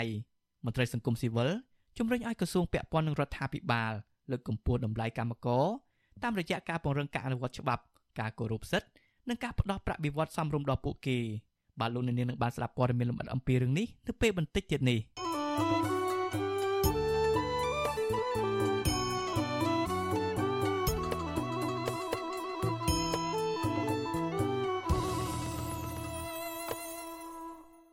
បាទលោកអ្នកនាងជាទីមេត្រីក្រុមបុគ្គលិកកាស៊ីណូ Nagawal នៅតែបន្តធ្វើកោតកម្មទាមទារដំណោះស្រាយការងារពីតកែក្រុមហ៊ុនមួយនេះក្រោយពីខកខានធ្វើកោតកម្មកាលពីថ្ងៃទី10ខែវិច្ឆិកាមន្ត្រីសង្គមស៊ីវិលយល់ថា ការតវ៉ារបស់ក្រុមកម្មករ Nagawal គឺជានិមិត្តរូបក្នុងការទាមទារឲ្យគ្រប់សិទ្ធិការងារទូទាំងប្រទេសហើយសំណូមពរដល់សាធារណជនបរិច្ចាគថវិកាដល់ក្រុមកោតក្រទាំងនោះបាទលោកនៅវណ្ណរិនរាយការណ៍ព័ត៌មាននេះបុគ្គលិក Nagaworld ជិត100នាក់បន្តធ្វើកតកម្មនៅមុខអគារកាស៊ីណូ Nagaworld 2នៅថ្ងៃទី11ខែវិច្ឆិកានេះគណៈរដ្ឋាភិបាលកម្ពុជា កំពុងដឹកនាំកិច្ចប្រជុំកំពូលអាស៊ានក្នុងរាជធានីភ្នំពេញ ក្រុមបាតកោបានវាយស្គរផ្លុំត្រែនិងមានកាន់បដាថាប្រទេសសមាជិកអាស៊ានមិនត្រូវរំលោភសិទ្ធិសេរីភាពសហជីពដោយជនជាតិម៉ាឡេស៊ីដែលជាថៅកែ Nagavel ដោយឡែកក្រុមបាតកោខ្លះបានស្លៀកពាក់សម្លៀកបំពាក់ប្រពៃណីនិងមានពាក់ឈៀងដែលមានពាក្យថាយើងត្រូវការសហជីព LRSU និងពាក្យថា Nagavel ត្រូវបញ្ឈប់អំពើហិង្សាលើការតវ៉ារបស់កម្មករជាស្ត្រីជាដើម ក្រុមបាតកោក៏បានទាមទារឲ្យស្ថានទូតម៉ាឡេស៊ីទទួលយកញត្តិសុំអន្តរាគមន៍ពីក្រុមបាតកោដែរព្រោះកន្លងមក ស្ថានទូតនេះមិនព្រមទទួលយកញត្តិនោះឡើយ កម្មករ Nagawal កញ្ញាច័ន្ទស្រីរតដែលបានចូលរួមក្នុងកោតកម្មនេះបានប្រាប់វិទ្យុអាស៊ីសេរីថាការធ្វើកោតកម្មរបស់បុគ្គលិក Nagawal មិនមានចេតនាធ្វើឲ្យខូចមុខមាត់រដ្ឋាភិបាលកម្ពុជា ដែលជាប្រធានអាស៊ានបដូវវេននិងកំពុងរៀបចំកិច្ចប្រជុំអាស៊ាននោះឡើយក៏ប៉ុន្តែការតវ៉ានេះគឺជាការទាមទារឲ្យថៅកែក្រុមហ៊ុនគោរពសិទ្ធិការងាររបស់ក្រុមនិយោជិកតែប៉ុណ្ណោះ កញ្ញាបន្តថាបញ្ហាដែលមិនអាចដោះស្រាយវិវាទការងារបាន គឺព្រោះតែថៅកែ Nagavel ចង់រំលាយសហជីពឯករាជ្យចេញពីក្រុមហ៊ុន ព្រោះនៅពេលការដោះស្រាយវិវាទការងារកន្លងមក មានបុគ្គលិកកំពុងធ្វើការនៅ Nagavel ជាង300នាក់ស្ម័គ្រចិត្តឈប់ពីការងារដើម្បីបដូរឲ្យសហជីពជាង100នាក់ចូលធ្វើការងារវិញ តែខាងនយោជកមិនព្រមទទួលយក ជាមួយគ្នានោះដែរកញ្ញាច័ន្ទស្រីរតក៏សំណូមពរដល់រដ្ឋាភិបាលជួយអន្តរាគមន៍ដោះស្រាយវិវាទការងារដ៏រ៉ាំរ៉ៃមួយនេះឲ្យបានឆាប់ព្រោះតាមទស្សនវិជ្ជាជាក់ស្ដែងថៅកែនេះបានរំលោភសិទ្ធិការងារយ៉ាងធ្ងន់ធ្ងរខ្ញុំក៏មានចម្ងល់ដែរថានៅពីក្រោយណាកាវលនឹងវាមានអីជាប់គាំងនៅនឹងបានមកដោះស្រាយឲ្យពួកខ្ញុំទាំងតែពួកខ្ញុំរងនូវភាពអយុត្តិធម៌ច្រើន មានទាំងការគម្រាមកំហែងតាមដល់ផ្ទះមានទាំងការចាប់ដាក់គុកមានទាំងការប្រើអំពើហិង្សាពីសំណាក់អាជ្ញាធររដ្ឋដែលពួកខ្ញុំប្រជារដ្ឋធ្វើការកាត់តាក់ទៅឲ្យពួកគាត់ណាតែបើជាគាត់មកប្រើហិង្សាមកលើពួកខ្ញុំវាយពួកខ្ញុំជាមនុស្សស្រីឡើងឈាមដាពេញខ្នល់អញ្ចឹងណា កាលពីសប្តាហ៍មុនអាជ្ញាធរក្រុងភ្នំពេញបានកោះហៅតំណាងក្រុមគឧតកោ Nagawal ឲ្យចូលរួមប្រជុំដើម្បីហាមមិនឲ្យក្រុមកម្មករ Nagawal ចេញតវ៉ានៅក្នុងពេលកិច្ចប្រជុំកំពូលអាស៊ាន តែក្រុមគឧតកោ Nagawal បានចេញលិខិតឆ្លើយតបថាពួកគេនៅតែបន្តការតវ៉ាព្រោះការធ្វើកុតកម្មរបស់ពួកគេ គឺជាការទាមទារឲ្យមានការគោរពសិទ្ធិការងារនិងមិនបានខុសពីច្បាប់ឡើយ។ វិទ្យុអាស៊ីសេរីមិនអាចតាក់ទងแนะនាំពាក្យសាលារាជធានីភ្នំពេញលោកមេតមាសភក្តីដើម្បីសុំការបកស្រាយរឿងនេះនៅថ្ងៃទី11ខែវិច្ឆិកាដោយទូរស័ព្ទចូលពុំមានអ្នកទទួលគិតមកដល់ពេលបច្ចុប្បន្នបុគ្គលិក Nagavel បានចេញធ្វើកោតកម្មអស់រយៈពេលជិត2ឆ្នាំមកហើយក៏ប៉ុន្តែពួកគេនៅតែមិនទាន់បានទទួលដំណោះស្រាយពីថៅកែក្រុមហ៊ុន Nagavel ដែលរំលោភសិទ្ធិការងារលើពួកគេនៅឡើយនោះទេ រដ្ឋាភិបាលក៏មិនបានជួយអន្តរាគមន៍ដោះស្រាយវិវាទការងារមួយនេះទេប៉ុន្តែក្រុមកម្មករនយោជិកបែរជាទទួលការគំរាមកំហែងពីសំណាក់អាជ្ញាធរនិងកម្លាំងដែលមានសមត្ថកិច្ចទៅវិញដោយពួកគេត្រូវបានចោទថាជាក្រុមបកប្រឆាំងចង់ធ្វើបដិវត្តពណ៌រំលំរដ្ឋាភិបាលជាដើមកន្លងមកក្រុមបុគ្គលិក Nagawal ដែលចេញធ្វើកោតកម្មតែងរងការបៀតបៀនគេខ្មាស់ការប្រើប្រាស់អំណាចរបស់តុលាការចាប់ដាក់ពន្ធនាគារ ហើយពួកគេក៏តែងរងអំពើហិង្សាដោយក្នុងនោះក៏ធ្លាប់មានបុគ្គលិកជាស្ត្រីម្នាក់បានរលូតកូនដោយសារតែរងអំពើហិង្សាក្នុងពេលធ្វើកោតកម្មផងដែរ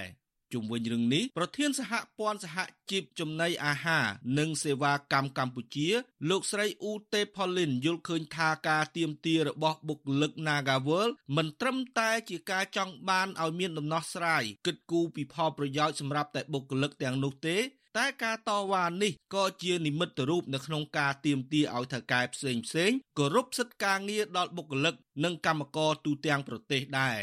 អ្នកស្រីយល់ថាកត្តាដែលថៅកែ Nagawal មិនព្រមទទួលបុគ្គលិកដែលជាសហជីពឲ្យធ្វើការវិញនោះព្រោះតែថៅកែនេះមិនចង់ឲ្យមានវត្តមានសហជីពដែលមានអំណាចការពារបុគ្គលិកដោយតែងតែតវ៉ាមិនឲ្យក្រុមហ៊ុនរំលោភលើសិទ្ធិការងារបុគ្គលិក និងពេលភ្ញៀវមកលេងល្បែងបង្កហិង្សា ឬបៀតបៀនដល់បុគ្គលិកជាស្ត្រីការមានវត្តមានសហជីពនៅកន្លែងហ្នឹងហ្នឹងវាការពារទៅដល់សុខុមាលភាពរបស់កម្មករនិយោជិតហើយជំរុញឲ្យនិយោជកហ្នឹងបង្កើតគោលនយោបាយផ្សេងផ្សេងនៅក្នុងការការពារអំពើហិង្សាការបៀតបៀនពីអតិជនមកលើកម្មករនិយោជិតរួមទាំងការទាមទារឲ្យមានអត្ថប្រយោជន៍ផ្សេងផ្សេងដែលនិយោជកចំណេញរាប់សិបលានដុល្លារនោះចុះកម្មករទទួលបានអីនៅពេលដែលកម្មករជាអ្នករកប្រាក់ចំណេញឲ្យតកែរាប់សិបលានដុល្លារនោះចឹងហើយបានជាវត្តមានសហជីពនេះវាជួយឲ្យអំណាចរបស់កម្មករហ្នឹងមានតលយៈភាពនៅក្នុងការទៅទៅជែកជាមួយតកែក្នុងការទាមទារអត្ថប្រយោជន៍និងប្រាក់ឈ្នួលមកឲ្យកម្មករនិយោជិត ជាមួយគ្នានោះដែរលោកស្រីទេផូលីនក៏ស្នើឲ្យសាធារណជនត្រូវមានភាពក្លាហានគ្រប់គ្រងដល់ការធ្វើកោតកម្មរបស់បុគ្គលិក Nagavel តាមរយៈការបរិច្ចាគថវិកានិងចែករំលែកព័ត៌មានអំពីការតវ៉ារបស់ពួកគេ ដើម្បីឲ្យរដ្ឋាភិបាលជំរុញឲ្យថៅកែក្រុមហ៊ុនបញ្ឈប់ការរំលោភលើសិទ្ធិបុគ្គលិក និងដោះស្រាយវិវាទការងារដ៏រ៉ាំរ៉ៃមួយនេះឲ្យបានឆាប់រហ័ស យើងទទូចដល់សាធារណជន1ដុល្លារស្មើនឹងយើងអត់ញ៉ាំកាហ្វេទឹកដោះគោតកកមួយកែវក្នុងមួយខែអត់ផឹកមួយថ្ងៃទៅរួចអីទេលុយនឹងទៅឲ្យពួកគាត់ដោយសាររឿងនេះវាជារឿងភាពអយុត្តិធម៌ជាប្រព័ន្ធ កន្លងមក អង្គការជាតិនិងអន្តរជាតិព្រមទាំងប្រទេសប្រជាធិបតេយ្យធំធំមួយចំនួន ទីភ្នាក់ងារអង្គការសហប្រជាជាតិផង បានអំពាវនាវដល់រដ្ឋាភិបាលលោកហ៊ុនសែនឲ្យបញ្ឈប់ការរឹតបន្តឹងសេរីភាពជាមូលដ្ឋានរបស់ពលរដ្ឋនៅក្នុងការសម្ដែងមតិនិងប្រើប្រាស់ប្រព័ន្ធតុលាការជាឧបករណ៍សម្រាប់បម្រើផលប្រយោជន៍នយោបាយ។ស្ថាប័នទាំងនោះតែងតែទទូចឲ្យរដ្ឋាភិបាលកម្ពុជា និងក្រសួងដែលពាក់ព័ន្ធឲ្យពន្លឿនការដោះស្រាយវិវាទការងារជូនក្រុមកម្មករនៃក្រុមហ៊ុន Nagavel ឲ្យបានត្រឹមត្រូវស្របតាមច្បាប់ខ្ញុំនៅវណ្ណរិន With Chu Azizi Saray ពីរដ្ឋធានី Washington បាទលោកអ្នកនាងអ្នកស្ដាប់ជាទីមេត្រីប្រជាពលរដ្ឋនៅក្រុងភ្នំពេញលើកឡើងថាបញ្ហាគ្រឿងញៀននិងការប្រើប្រាស់គ្រឿងសង្វឹងជាមូលហេតុចម្បងដែលធ្វើឲ្យគោលនយោបាយភូមិឃុំសង្កាត់មានសុវត្ថិភាពបរាជ័យ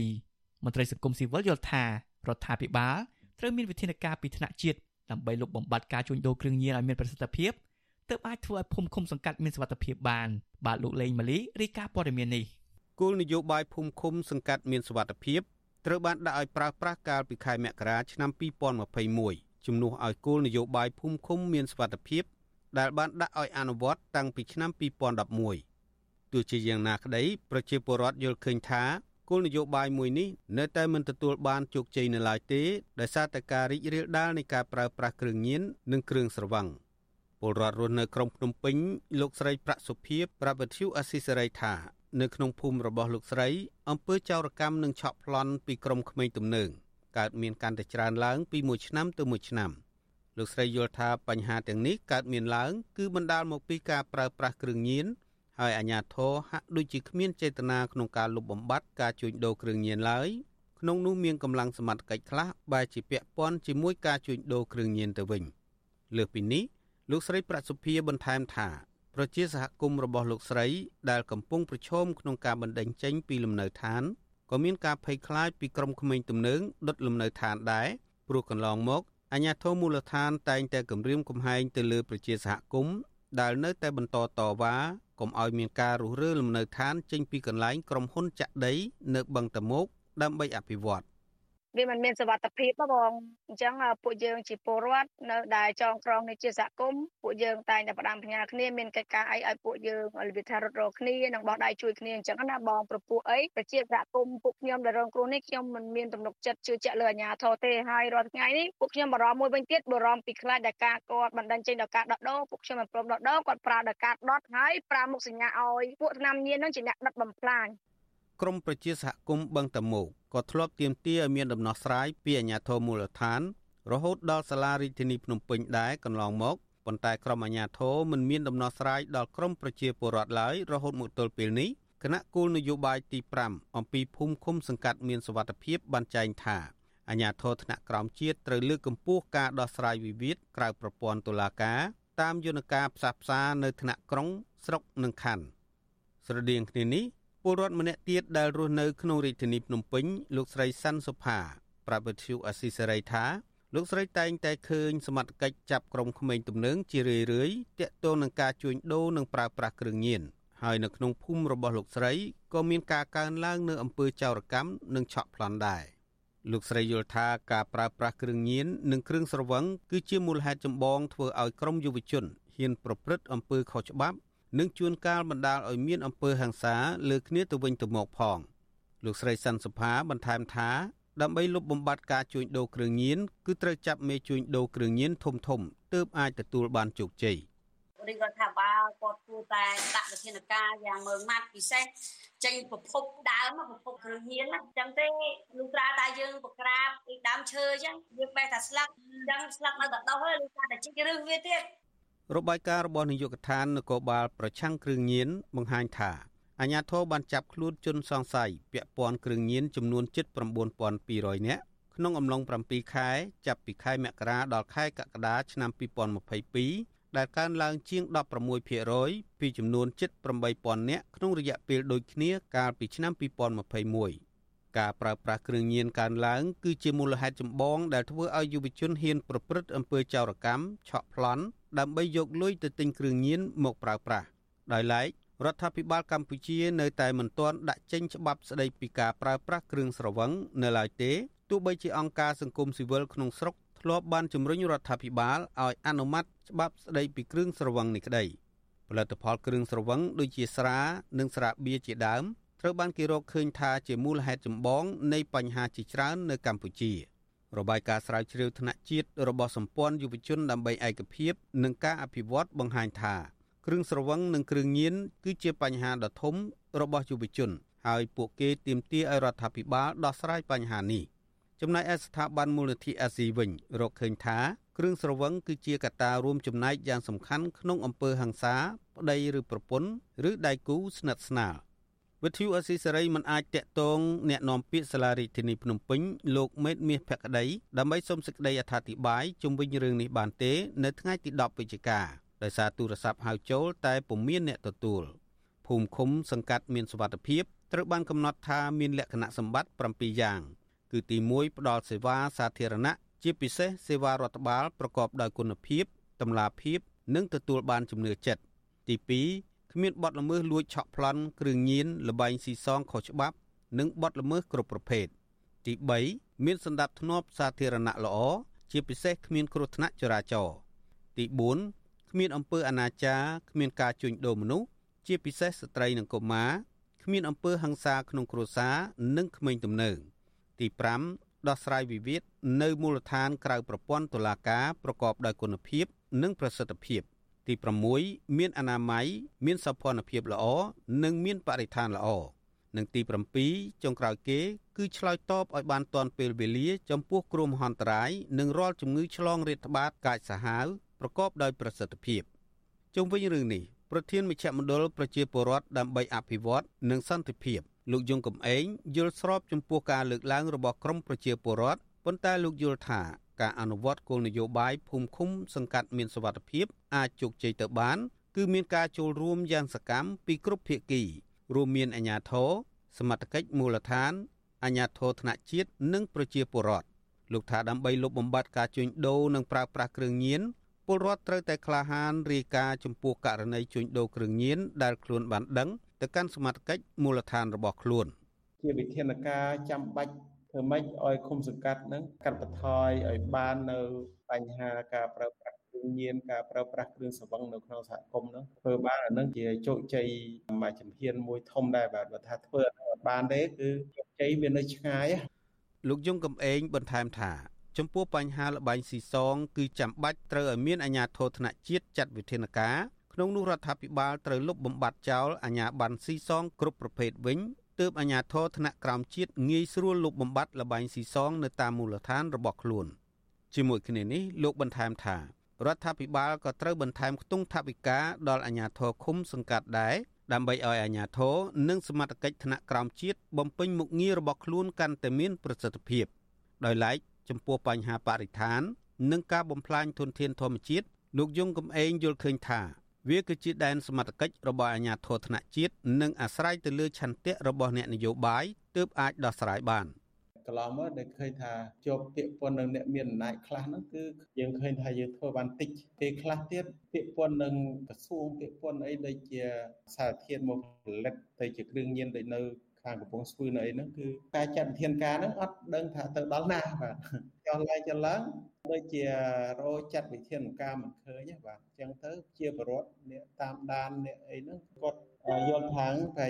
ជាប់ពាក្យព័ន្ធនឹងអ្នកដែលធំដុំកំដឹងយ៉ាងបាទការចាត់វិធានការនឹងត្រូវបានស្ងាត់ឈឹងអីចឹងណាគោលនយោបាយភូមិឃុំសង្កាត់មានសវត្ថភាពត្រូវបានលោកនាយករដ្ឋមន្ត្រីហ៊ុនសែនដាក់ឲ្យប្រើប្រាស់កាលពីថ្ងៃទី26ខែមករាឆ្នាំ2021 ដើម្បីពង្រឹងសន្តិសុខសន្តិភាពសង្គមលើកកម្ពស់អនាម័យបរិស្ថាន សុខុមាលភាពប្រជាពលរដ្ឋនិងកាត់បន្ថយភាពក្រីក្រជាដើមទោះជាយ៉ាងនេះក្តី អ្នកវិភាគដើម្បីអភិវឌ្ឍសង្គមតែងលើកឡើងថា ការអនុវត្តគោលនយោបាយភូមិឃុំសង្កាត់មានសុវត្ថិភាពនឹងមិនអាចទទួលបានជោគជ័យឡើយ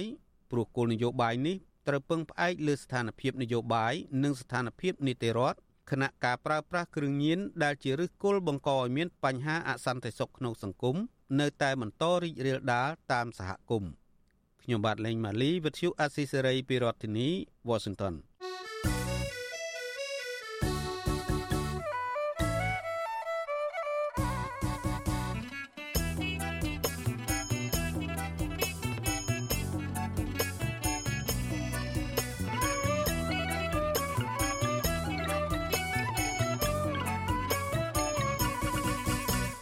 បាទកម្មកររោងចក្រមួយចំនួននៅរាជធានីភ្នំពេញកំពុងរងគ្រោះដោយការរំលោភសិទ្ធិការងារពីសំណាក់ថៅកែនិងកំពុងប្រឈមបញ្ហាជីវភាពដោយសារតែមិនសូវមានការងារថែមម៉ោងស្របពេលដែលការដំឡើងប្រាក់ខែគោលតិចតួចមិនអាចទប់ទល់ការចំណាយប្រចាំថ្ងៃបានមន្ត្រីសង្គមស៊ីវិលជំរុញទៅក្រសួងពាក់ព័ន្ធនិងរដ្ឋាភិបាលឲ្យលើកកម្ពស់តម្លៃកម្មករតាមរយៈការពង្រឹងការអនុវត្តច្បាប់ការគោរពសិទ្ធិនិងការផ្តល់ប្រាក់បៀវត្សសមរម្យដល់ពួកគេបាទលោកទីនសាករាយារាយការណ៍ព័ត៌មាននេះ កម្មករផ្នែកវិជ្ជាភ័ណ្ឌកាត់ដេរត្អូញត្អែពីភាពតានតឹងក្នុងការងារបន្ទាប់ពីតការរោងចក្ររំលោភបំពានសិទ្ធិការងាររបស់ពួកគាត់ហើយនៅតែគ្មានដំណោះស្រាយខណៈប្រាក់ខែគោលរបស់កម្មករកើនឡើងតិចតួចដែលធ្វើឲ្យប៉ះពាល់ដល់ជីវភាពរស់នៅប្រចាំថ្ងៃប្រាក់ខែគោលកម្មកររោងចក្របច្ចុប្បន្នមានចំនួន194ដុល្លារក្នុងមួយខែ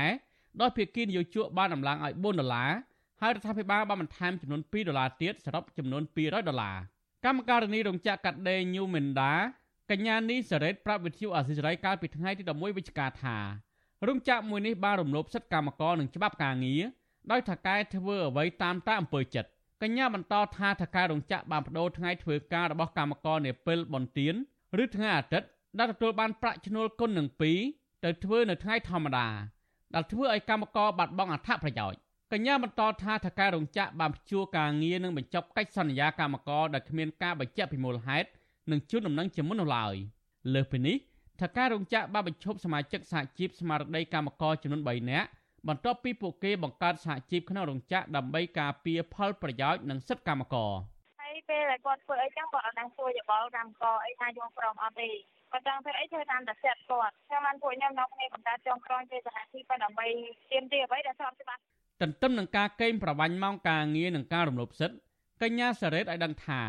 កម្មករគ្រប់គ្នាសុទ្ធតែមានបញ្ហាជីវភាពដោយសារប្រាក់ខែគោលមានចំនួនតិចតួចខណៈតំណែងចេះតែឡើងថ្លៃកញ្ញាឲ្យដឹងថាត្រូវព្យាយាមកាត់បន្ថយការចំណាយប្រចាំថ្ងៃតាមដែលអាចធ្វើទៅបាន ដើម្បីទប់ទល់នឹងកំណើនថ្លៃតំណែងចាពិបាកដែរបងតំណែងឡើងថ្លៃប្រាក់ខែតិចចឹងណាហើយយើងអត់ស្ូវថែមកទៀតអ្នកម្នាក់គឺគាត់ចាយអត់ស្ូវគ្រប់គ្រាន់ដែរក្រុមកម្មករនៅរោងចក្រញូមីនដា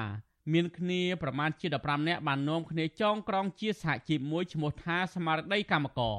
បន្ទាប់ពីពួកគេមើលឃើញថារោងចក្រមួយនេះបានកេងប្រវ័ញ្ចកម្លាំងពលកម្មកម្មករនិងរំលោភច្បាប់ការងារប៉ុន្តែក្រោយពេលបង្កើតសហជីពមួយនេះឡើងថាការរោងចក្របានបញ្ចប់កិច្ចសន្យានឹងព្យួរការងារសមាជិកថ្នាក់ដឹកនាំសហជីពជាបន្តបន្ទាប់ដោយគ្មានការជួដំណឹងនិងបញ្ជាក់ពីមូលហេតុច្បាស់លាស់នោះឡើយ។ ការបញ្ចុះកម្មករនិងនិយោជិតនៅតាមក្រុមហ៊ុនរោងចក្រសហគ្រាសដោយគ្មានហេតុផលសមរម្យនិងសំណងសមស្របដោយក្នុងករណីក្រុមហ៊ុន Nagavel ជាដើមត្រូវបានមន្ត្រីសង្គមស៊ីវិលមើលឃើញថាជាការរំលោភច្បាប់ការងារនិងមានចេតនាយាយីទៅក្រុមសហជីពនិងបង្ហាញពីកំសោយនៃការអនុវត្តច្បាប់នៅកម្ពុជាស្រដៀងគ្នានេះកម្មការនីរោងចក្រកាត់ដេរនីអានឃីតលោកស្រីពៅសំផស្សឲ្យដឹងថារោងចក្រនេះមិនមានសហជីពទេ ទន្ទឹមគ្នានេះថាការរោងចក្របានកាត់ម៉ោងធ្វើការនិងប្រាក់ខែបុគ្គលិកអស់50%ជារៀងរាល់ខែក្រោមហេតុផលមិនមានវត្ថុធាតុដើមសម្រាប់ការផលិតលោកស្រីឲ្យដឹងថាស្ថានភាពបែបនេះបណ្ដាលឲ្យការរស់នៅរបស់លោកស្រីនិងកម្មករដទៃទៀតជួបការលំបាកហើយត្រូវកាត់បន្ថយថ្លៃចំណាយលើម្ហូបអាហារដោយទិញតែបន្លែត្រីសាច់ថោកថោកមានជាតិគីមី និងការហូបចុកមិនបានគ្រប់គ្រាន់ធ្វើឲ្យលោកស្រីមានការព្រួយបារម្ភពីសុខភាព និងគ្មានប្រកាសសម្រាប់ព្យាបាលពេលមានជំងឺថែមទៀតផងលោកស្រីបន្ថែមថាទោះបីជាដំឡើងប្រាក់ខែគោលកម្មកររោងចក្រចំនួន6ដុល្លារក្តីក៏ប្រាក់ខែតិចតួចស្រួចស្ដាងនេះមិនអាចដោះស្រាយបញ្ហាជាដុំកំភួនបានឡើយដរាបណារោងចក្រនៅតែបន្តរំលោភច្បាប់ការងារនិងគ្មានការដោះស្រាយពីក្រសួងពាក់ព័ន្ធបែបនេះប្រាក់ខែ 2023ឡើងឲ្យពួកខ្ញុំបាន6រៀលប្រាក់ខែមក200ប៉ុន្តែកាត់ប្រាក់ខែសធនអស់ម្នាក់24000មានបានឡើងទៅដែរដែរហ្នឹងហ្នឹងវាទៅតាមហ្នឹងឯងអូនបើការងារក៏មិនសូវមានធ្វើជាភាពចេះតែចាយតាមហ្នឹងទៅមិនហូបមួយថ្ងៃហូបរួចហូបមួយថ្ងៃមួយថ្ងៃទៅជុំវិញនឹងរឿងនេះវិទ្យុអសិរ័យបំអាចតកតងអគ្គលេខាធិការសមាគមរោងចក្រកាត់ដេរជាម៉ាកលោកខេនលូនិងអ្នកនាំពាក្យក្រសួងការងារដើម្បីសំសួរអំពីបញ្ហានេះបានទេកាលពីថ្ងៃទី11វិច្ឆិកា ប្រធានសហព័ន្ធសហជីពកម្ពុជាអ្នកស្រីយ៉ាងសុភ័ណ្ឌចាត់ទុកថានេះជាធម្មតាទៅហើយដែលក្រុមហ៊ុនរោងចក្រសហគ្រាសធ្វើទុកបុកម្នេញបញ្ឈប់ការងារបុគ្គលិកនយោជិតដែលនាំគ្នាចងក្រងបង្កើតសហជីពការងារដើម្បីផលប្រយោជន៍ឲ្យក្រុមកម្មករអ្នកស្រីបន្តថាច្បាប់កម្ពុជារបស់ប្រទេសនិងច្បាប់ពាក់ព័ន្ធមួយចំនួនបានចែងថាកម្មករនយោជិតមានសិទ្ធិបង្កើតសហជីពការងារដើម្បីស្វែងរកផលប្រយោជន៍នៅកន្លែងការងារដោយខ្លួនឯងព្រមទាំងមានសិទ្ធិពិសេស ដែលបានគាំពៀពីក្រសួងពាក់ព័ន្ធថែមទៀតផងប៉ុន្តែជាស្ដែងការអនុវត្តពិតប្រាកដគឺកំពុងតែប្រឆាចាកពីអត្ថន័យរបស់ច្បាប់គណៈក្រសួងការងារដែលជាអាណាព្យាបាលរបស់កម្មករបែជាមិនខ្វល់ខ្វាយនឹងការពៀកម្មករដែលរងការរំលោភបំពានពីសំណាក់ថៅកែក្រុមហ៊ុនរោងចក្រសហគ្រាសទាំងនោះទៅវិញអ្នកស្រីលើកឡើងថាក្នុងនាមជាស្ថាប័នបម្រើរាជក្រសួងការងារត្រូវពង្រឹងការអនុវត្តច្បាប់ការគោរពសិទ្ធិកម្មករនិយោជិត និងត្រូវលើកកម្ពស់ការរស់នៅរបស់ពួកគេតាមរយៈដំឡើងប្រាក់ឈ្នួលឲ្យបានសមស្របទៅតាមបរិបទសង្គមអញ្ចឹងត្រឡប់មកវិញខ្ញុំគិតថាមានតែស្ថាប័នរដ្ឋទេឬក៏រដ្ឋាភិបាលខ្លួនឯងទេលោកធ្វើការសម្រេចចិត្តត្រូវសិក្សាស្រាវជ្រាវត្រូវរោផោះតាំងអំណះអំណានធ្វើម៉េចដើម្បីឲ្យកម្មករយើងរស់នៅបានសមរម្យស្របទៅនឹងច្បាប់របស់យើងដែលបានចែងកាលពីខែសីហាឆ្នាំ2020សហភាពអឺរ៉ុបបានសម្រេចដកប្រព័ន្ធអនុគ្រោះពន្ធ EBA 20%ពីកម្ពុជា ដោយសារតែរបបលហ៊ុនសែនបានបំផ្លាញប្រជាធិបតេយ្យនិងបញ្ហារំលោភសិទ្ធិធ្ងន់ធ្ងរជាប្រព័ន្ធនៅកម្ពុជា ការដកហូត EBA 20%កន្លងមក បានធ្វើឲ្យប៉ះពាល់ដល់វិស័យការងាររាប់ម៉ឺនកន្លែងរួមមានវិស័យកាត់ដេរវិស័យកសិកម្មហើយអាចប៉ះពាល់ដល់ទំនុកចិត្តអ្នកវិនិយោគព្រោះកម្ពុជាជាប់ឈ្មោះថាជាប្រទេសរំលោភសិទ្ធិមនុស្សធ្ងន់ធ្ងរសហព័ន្ធសហជីពប្រជាធិបតេយ្យកម្មករកាត់ដេរកម្ពុជាឲ្យដឹងថា រោងចក្រចំនួន23ដែលមានកម្មករសរុបជាង1400នាក់បានរងគ្រោះដោយសារការបញ្ឈប់ពីការងារបន្ទាប់ពីពួកគេប្រើប្រាស់សិទ្ធិក្នុងការបង្កើតសហជីពសហគ្រាសនិងគ្រឹះស្ថានដែលពួកគេកំពុងតែធ្វើការអង្គការនឹងសហជីពចំនួន3រួមមានអង្គការលីកាដូសម្ព័ន្ធសហជីពកម្ពុជានិងអង្គការសិនត្រលបានចេញផ្សាយរបាយការណ៍ស្រាវជ្រាវសង្ខេបមួយស្ដីពីការជំពាក់បំណុលច្រើនលើសលប់ក្នុងវិស័យកាត់ដេរនៅប្រទេសកម្ពុជារបាយការណ៍បង្ហាញថាកម្មករធ្វើការក្នុងវិស័យកាត់ដេរស្ទើរតែទាំងអស់ ធ្លាក់ខ្លួនចំពាក់បំណុលវ៉ាន់កនិងគ្មានលទ្ធភាពសងបំណុលវិញប្រសិនបើការងាររបស់ពួកគេត្រូវបន្តព្យួរនិងគ្មានភាពច្បាស់លាស់ខ្ញុំទីនសាការីយ៉ាអស៊ីសេរីប្រធានីវ៉ាស៊ីនតោន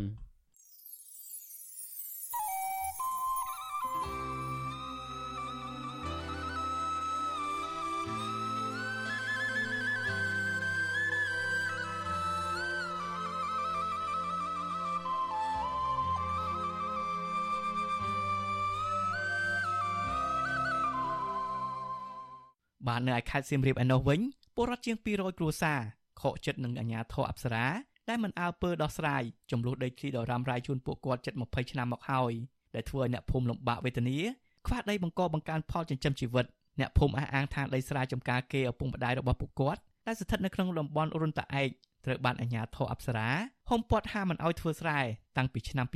2005ហើយមកដល់ពេលនេះអាជ្ញាធរមិនបានផ្ដល់សំណងអ្វីទាំងអស់បាទលោកលេងម៉ាលី មានសេចក្តីរាយការណ៍មួយទៀតអំពីរឿងនេះអ្នកភូមិរស់នៅស្នាសង្គ្រាមឃុំបលាំងស្រុកប្រាសាទបាគងបង្ហាញភាពអយុត្តិធម៌និងឈឺចាប់ក្នុងចិត្តនៅគ្រាដែលអាជ្ញាធរអប្សរាហាមពួកគាត់មិនឲ្យចូលទៅបង្កបង្កើនផលលើដីស្រែកេដូនតាស្ថិតនៅតំបន់រុនតាឯកពួកគាត់អះអាងថាមកទល់ពេលនេះជិត20ឆ្នាំមកហើយដែលអាជ្ញាធរអប្សរាបន្តពន្យាពេលមិនដោះស្រាយចំនួនដីធ្លីនេះទាល់តែសោះ ធ្វើធ្វើឲ្យពលរដ្ឋក្រលំបាកវេទនាគ្មានដីបង្កបង្កើនផលចិញ្ចឹមជីវិតតំណាងពលរដ្ឋលោកសំមុំប្រាប់វិទ្យុអស៊ីសេរីនៅថ្ងៃទី11វិច្ឆិកាថានៅរយៈពេលជាង2ខែចុងក្រោយនេះអ្នកភូមិជាង100នាក់បានដាក់ញត្តិនិងតវ៉ាជាច្រើនដងស្នើដល់អាជ្ញាធរឲ្យពន្លឿនផ្ដល់ដំណោះស្រាយបញ្ហានេះប៉ុន្តែគ្មានបានផលឡើយ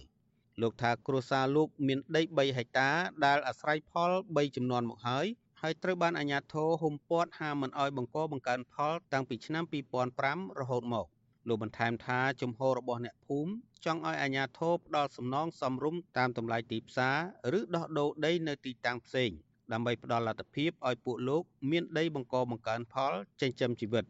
ក៏ប្រជាពលរដ្ឋចូលទៅគាត់ដេញចាប់ដេញអីដែរតែដើមមើលគេមានអាជ្ញាធរអប្សរាគេហុំពាត់សម្រាប់គេការពារព្រៃនោះបងជាពលរដ្ឋគាត់នឹងពិបាកទៅធ្វើដែរហើយតែធ្វើគេឲ្យធ្វើទៀតជាពលរដ្ឋខ្លាំងគាត់លួចទៅធ្វើដីគាត់តែងធ្វើគេចាប់ទាំងកយន្តគាត់ចាប់តាំងពីដើមខែតុលាមកទល់ពេលនេះអ្នកភូមិជាង100នាក់បានលើកគ្នាតវ៉ានិងដាក់ញត្តិជាច្រើនដង នៅសាលាឃុំបាឡាំងសាលាស្រុកប្រាសាទបាគងនិងអាជ្ញាធរខេត្តសៀមរាប ដើម្បីទាមទារឲ្យអាជ្ញាធរអប្សរាដោះស្រាយដីធ្លីទំហំ160ហិកតាដល់ពួកគាត់នៅតំបន់រុនតាឯកអ្នកភូមិទាំងនោះបានលើកបដាសំណូមពរដល់លោកនាយករដ្ឋមន្ត្រីហ៊ុនសែនឲ្យជួយអន្តរាគមន៍រឿងនេះដោយយុត្តិធម៌តំណាងពលរដ្ឋលោកសំមុំបន្ថែមថាកន្លងទៅអាជ្ញាធរអប្សរាបានខាត់ចាប់គោយន្តពលរដ្ឋមួយគ្រឿងដែលកំពុងភ្ជួរស្រែលើដីមានចំនួននោះដោយបញ្ជូនទៅរក្សាទុកនៅសាលាស្រុក ហើយអាជ្ញាធរតម្រូវឲ្យពលរដ្ឋបង់លុយចំនួន500ដុល្លារជាថ្នូរលួសយកគោយន្តត្រឡប់ទៅវិញលោកថ្លែងថាវាជារឿងអយុត្តិធម៌ដែលអាជ្ញាធរអប្សរារំលោភយកដីពួកគាត់ទាំងស្រុងដើម្បីបែងចែកឲ្យពលរដ្ឋផ្សេងដោយមិនផ្ដល់សំណង បងដៃនោះបើគិតទៅដៃនោះជាស្មើនឹង3ចំនួនហើយតាខ្ញុំនេះគាត់ចែកមកពុកចំនួនមកដល់មួយបណ្ដោខ្ញុំមកចំនួនទៀតបងបើដៃនោះបើគិតទៅតាំងពីចំនួនតាខ្ញុំដែរតាខ្ញុំក៏គាត់តាគាត់ចែកមកទៀតដែរវាជួបបញ្ហាលំបាកបងបញ្ហារឿងនោះដល់ថាជាប្រិទ្ធជំលិះពីភូមិខ្លួនឯងឆ្លើយតបរឿងនេះអ្នកនាំពាក្យអាជ្ញាធរអប្សរាលោកឡុងកុសលបកស្រាយថាករណីពលរដ្ឋទាំងនេះគឺជារឿងមួយដែលទើបតែបង្កើតឡើងប៉ុណ្ណោះដោយសារតែពេលនេះ តំបន់រុនតាឯកមានការរៀបចំអភិវឌ្ឍល្អប្រសើរលោកបដិសេធឆ្លើយសំណួរផ្សេងទៀតដោយគ្រាន់តែបញ្ជាក់យ៉ាងខ្លីថាអាញាធរពុំមានដំណោះស្រាយករណីនេះជូនពលរដ្ឋឡើយជារឿងមួយតែទៅតែបង្កើតថ្មីវាកើតឡើងដោយសារតែមានការរៀបចំអភិវឌ្ឍទីកន្លែងហ្នឹងឲ្យមានការរស់នៅឲ្យបានល្អប្រសើរហ្នឹងចាប់បានចាំបានចាប់ផ្ដើមមានអារឿងអញ្ចឹងបើអត់ពីមុនមកអត់មានរឿងហ្នឹងកើតទេមិនដែលមានរឿងហ្នឹងទេយើងមិនមានដំណោះស្រាយឲ្យជូនទេបាទ មន្ត្រីសង្គមស៊ីវិលដែលចុះអង្កេតចំនួនដីធ្លីនេះចាត់ទុកការលើកឡើងរបស់អ្នកនាំពាក្យអាជ្ញាធរអប្សរារូបនេះថាជាលេសឆ្លើយដោះសារប៉ុណ្ណោះបន្ថែមពីនេះអ្នកភូមិទាំងនោះមានដីកសិកម្មនៅតំបន់នោះជាយូរមកហើយដោយមានរោងចាំចំការប៉ុន្តែអាជ្ញាធរអប្សរាបានយកកម្លាំងយាមល្បាតមិនឲ្យអ្នកភូមិអាស្រ័យផលលើដីស្រែចម្ការរបស់ពួកគាត់តាំងពីឆ្នាំ2005ជុំវិញរឿងនេះ មន្ត្រីសម្របសម្រួលគម្រោងធុរកិច្ចនិងសិទ្ធិមនុស្សនៃមជ្ឈមណ្ឌលសិទ្ធិមនុស្សកម្ពុជាលោកវ៉ាន់សុផាតយល់ថាក្រសួងដែនដីអាជ្ញាធរអប្សរានិងអាជ្ញាធរពាក់ព័ន្ធគួរតែចុះដោះស្រាយករណីនេះជាមួយពលរដ្ឋដោយស្មោះត្រង់និងសន្តិវិធីជៀសវាងការចោទអ្នកភូមិថាទើបតែបង្កើតបញ្ហាថ្មីដោយខ្វះភាពស្មោះត្រង់និងថ្លៃថ្នូរ គួរតែមានដំណោះស្រាយអីដែលគាត់អាចទទួលយកបានទៅគាត់អាចទទួលបាននោះវាចាប់ឲ្យរឿងហ្នឹងហើយមិននៅតែត្រាំរៃអញ្ចឹងហើយចោតគាត់ប្រទេសដាស់អញ្ចឹងហ្នឹងខ្ញុំថាវាអត់ថ្លៃធ្នូហើយក៏វាធ្វើឲ្យការអភិវឌ្ឍទីផ្សេងផ្សេងទៀតនៅតំបន់ហ្នឹងគឺថាវាមានន័យថាពាក់ព័ន្ធទៅការរំលោភសិទ្ធិដីធ្លីរបស់ប្រជាពលរដ្ឋហ្នឹងវាអត់មានកិច្ចមានកិច្ចស្ដាប់អីល្អទេហ្នឹងណាបាទ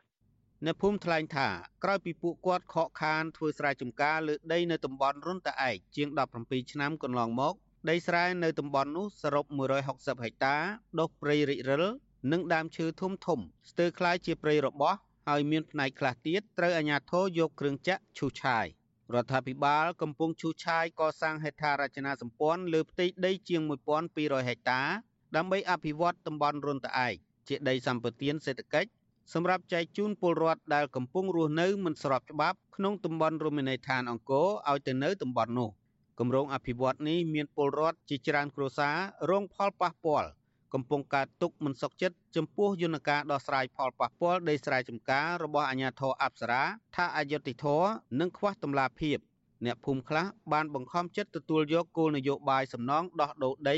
ដោយសារតែខ្លាចអាជ្ញាធរដកហូតដីពួកគាត់ទៅទេទៅទេដោយគ្មានសំណងអ្វីទាំងអស់ខ្ញុំបាទលេងម៉ាលីវិទ្យុអាស៊ីសេរីពីរដ្ឋធានី Washington បាទលោកនាងជាទីមេត្រី ការផ្សាយរយៈពេល1ម៉ោងនៃវិទ្យុអាស៊ីសេរីជាភាសាខ្មែរនៅពេលនេះចប់តែប៉ុណ្ណេះយើងខ្ញុំសូមជូនពរដល់លោកនាងព្រមទាំងក្រុមគ្រួសារទាំងអស់ឲ្យជួបប្រកបតែសេចក្តីសុខចម្រើនរុងរឿងកំបីគ្លៀងគ្លាតឡើយខ្ញុំបាទជាចំណានព្រមទាំងក្រុមការងារនៃវិទ្យុអាស៊ីសេរីសូមអរគុណនិងសូមជម្រាបលា